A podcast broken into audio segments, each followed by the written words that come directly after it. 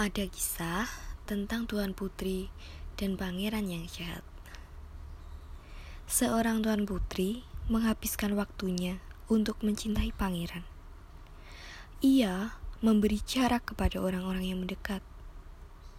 Membangun ruang dengan tembok kokoh yang di dalamnya ada pangeran. Sesekali, Tuan Putri berpikir, tembok ini terlalu kokoh. Apakah mungkin bisa hancur suatu saat? Tibalah suatu saat itu. Pangeran menghancurkan tembok itu perlahan. Memberi luka, membakar harap, hingga tembok itu hancur. Pangeran sudah pergi dari ruangan dengan tembok kokoh itu.